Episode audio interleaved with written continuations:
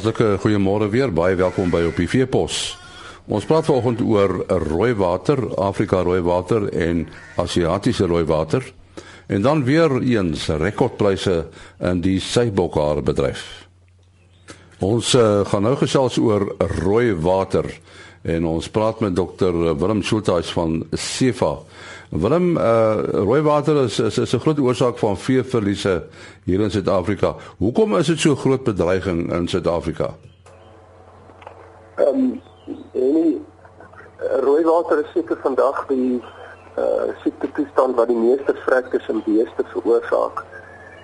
En die bedreiging daarvan is dat waardevolle vee gaan verlore en die uh, netto wins per hektaar van 'n veeonderneming word ernstig daardeur bedreig.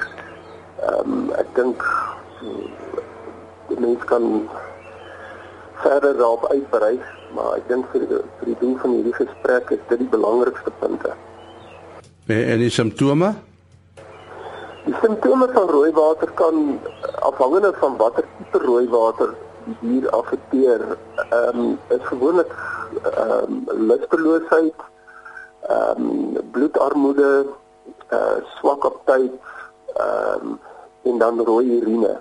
Hierdie simptome sien mense tipies in Afrika rooi water wat dit as jy dit vroeg optel, jy nog kans het om die dier te behandel. Maar dit is heeltemal anders gestel in Afrika in Asiatiese rooi water waar dit 'n akute vrugte kan wees sonder dat jy eintlik simptome sien.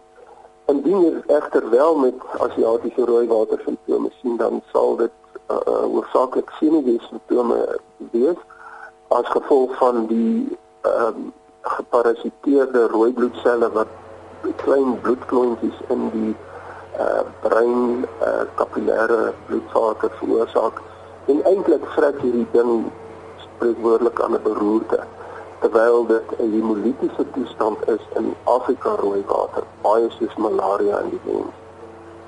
En, en kom dit net 'n sekere tyd van die jaar voor? Rooi rooi water uh, is meestal um, in die somermaande en veral teen die einde van die somer in Januarie en Februarie, ehm um, wanneer die infeksie in die bosluis uh, uh, draas van die siekte opgebou het en die aanslag op die vee uh, baie groter is. So dis 'n bosluis oorgedraagde siekte. Dis korrek. En kan kan 'n mens 'n natuurlike immuniteit uh, teen rooi water ontwikkel? Ja, dit is essensieel dat uh, kalwers ehm um, blootgestel word aan uh, bosluise en wel die uh, onvolwasse bosluise die larwes in geval van uh, Asiatiese rooi water en ehm um, een van die volwassenes in die geval van um, Afrika rooi water. Ehm um, dit is 'n nie 'n slim uh, werkswyse om kalwers ook te ont, ontwurm of te dip. Ehm um, dit was so middels wat ook vir ontwurming gebruik word, die die, die makrosikliese laktone, die avermekine word ook vir kalwers gegee en ek dink mense moet baie versigtig daar wees omdat ehm um, dit kan veroorsaak dat die rooi waterorganisme nie oorgedra word deur die byt van 'n bosluis. En dit is juis die teenwoordigheid van 'n rooi waterorganisme in die bloedstroom van 'n jong kalf wat uh, veroorsaak dat daai dier immuniteit ontwikkel. Ehm um, so mense moet baie baie oordeelkundig met die toediening van dipmiddels in in kalwers jonger as ehm um, 6 maande uh, omgaan. Uh, natuurlik as die bosvleislading baie swaar is, dan moet jy noodgedwonge ehm um, dit middel toe toe doen. Dit is te verstaan. Maar 'n mens moet baie versigtig wees uh, in oordeelkunde. Ons praat nou van bosluis, is dit 'n sekere soort bosluis? Ja, nee, dit is die blou bosluis. Dit is 'n een gasheer bosluis en hierdie bosluis het 'n baie kort lewensiklus en ehm um, gevolglik kan hulle generasie is hulle generasie interval relatief kort vergeleke met die bondbosluise en is dit belangrik dat ehm um, uh, wanneer 'n dipmiddel toegedien word mens die diere oor soveel as moontlik kampe in die weiding verskuif sodat hulle blootgestel word vir die duur van die werking van so 'n dip aan daai ehm um, ehm um, dipmiddels aktiewe bestanddeel. Dit is eintlik as mens mooi daaroor dink, is dit ongelooflik dat 'n bosluislarf, blou bosluislarf wat uit 'n bos blou bosluis eietjie uitbroei uh vir so lank as 4 maande sonder die teenwoordigheid van beeste op 'n weiding kan oorleef. En daarom sien ons baie keer uitbreke van rooi water wanneer boere vee na 'n nuwe kamp verskuif wat lank gerus is en sou dit proaktief goed wees om die diere dan eers te dip veral dragtige vee. Ehm um, want enige koorsreaksie ehm um, kan 'n dragtige dier laat uh, aborteer en in rooi water het 'n mens baie duidelik 'n uh, um, koorsreaksie. En uh, is dit 'n siekte wat landwyd voorkom of is dit net die bosveldstreke?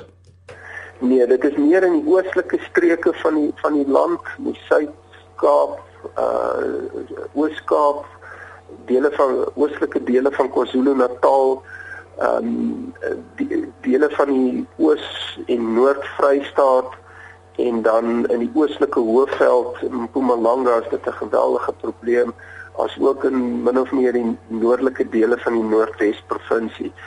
Ehm um, dit is veral in randgebiede waar die blouboshuis baie wisselvallig voorkom, waar daar groot vrekters kan uh voorkom um omdat hierdie diere nie immuniteit ontwikkel het nie as gevolg van die wisselvalligheid aan aan blootstelling uh aan die organisme via die byt van 'n boshuis.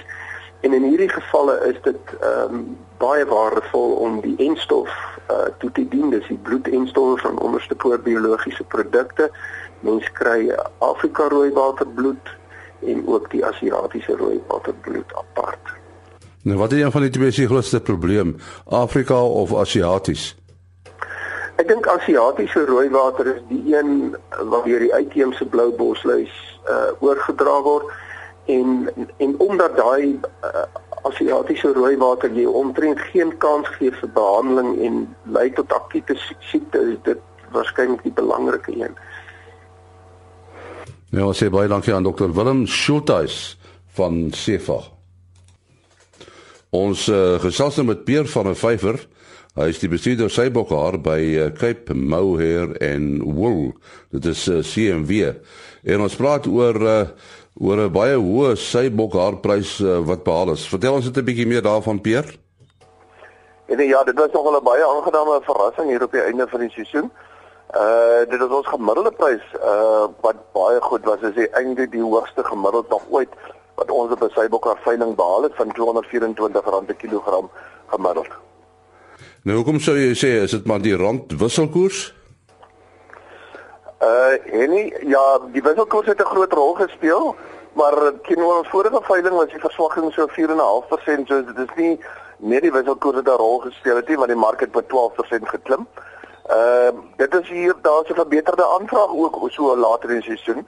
En uh, dit ek dink die verwerkers 'n bietjie ook onkon betrap en uh hulle het so 'n bietjie paniekerig geraak want uh ons is op die einde van ons seisoen en daar is baie haar oor wat hulle kan koop nie.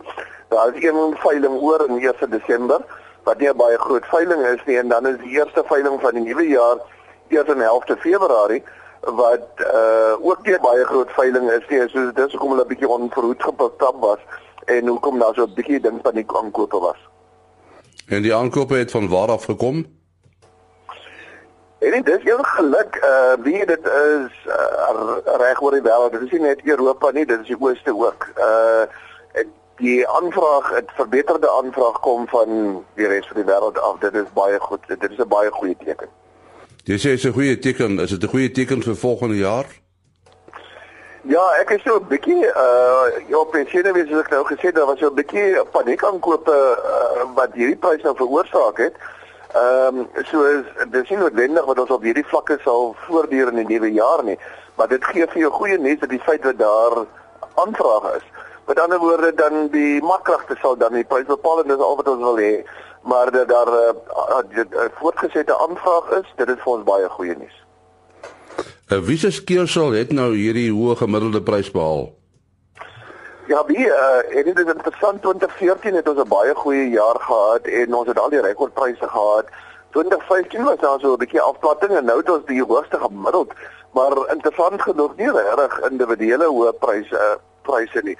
Uh in hierdie geval op hierdie veiling self het ons uh seisoensrekord, met ander woorde die hoogste prys van die seisoen sover van R350 per kilogram vir 'n baal kleinmokkejaar en ook in die saamverpakkingsafdeling het ons ook R350 per kilogram vir 'n ook 'n baal kleinmokkejaar gekry wat nogal uh 'n goeie prys vir die seisoen is want laas jaar hierdie tyd het daai selle goede uh, eet oor die R600 gegaan. Ehm um, dan het hulle die skevel gebou ook van die Retief uh Frans Retief van Maritzburg het uh, dan ook R275 per kilogram gekry vir die skeersel wat oor weer eens ook 'n seisoensrekord uh, prys is. Wat bepaal die die hoë prys? Natuurlik gehalte, nê? Nee. Gehalte speel 'n groot rol. Ons is gelukkig in die opsig dat uh, Suid-Afrika het die beste en die meeste.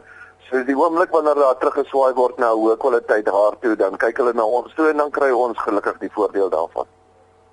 Ons het al in die verlede daarvan gepraat eh, dat uh, dat daar meer boere is wat toetree tot die tot die seibokhaar bedryf, nê. Nee. En ja, ons is gelukkig. Uh, ek dink ons het laas jaar het ons 'n redelike toename dinge gehad. Hierdie jaar ek dink bietjie minder. Ek dink die mense wat uh, wou begin uh, angora bokke boer het nou al begin angora bokke boer. Oh, ek skat ons is nog nie op die einde van die seisoen nie, maar ek skat dat ons so hier by 2-3% vernedering sal sien in produksie. En, en die droogte raak dit julle bedryf? En dit uh, tot 'n mate ja, uh, maar ongelukkig is ons nie so swaar getref soos die res van die land. Ekskuus op hierdie stadium nie. Eindelik lyk dit onder omstandighede baie goed. Ons is 'n geseënde bedryf op hierdie stadium. Die feit dat ons die hoogste pryse kry en omstandighede veldomstandighede lyk baie goed. Ons het goeie winterreën gekry en selfs nou goeie lentereën gekry in die meeste van ons produksiegebied. Ja, en die angora is maar eintlik ook 'n 'n dier wat kan droogte vat, nê. Nee. Hy het gelukkige woestyndier.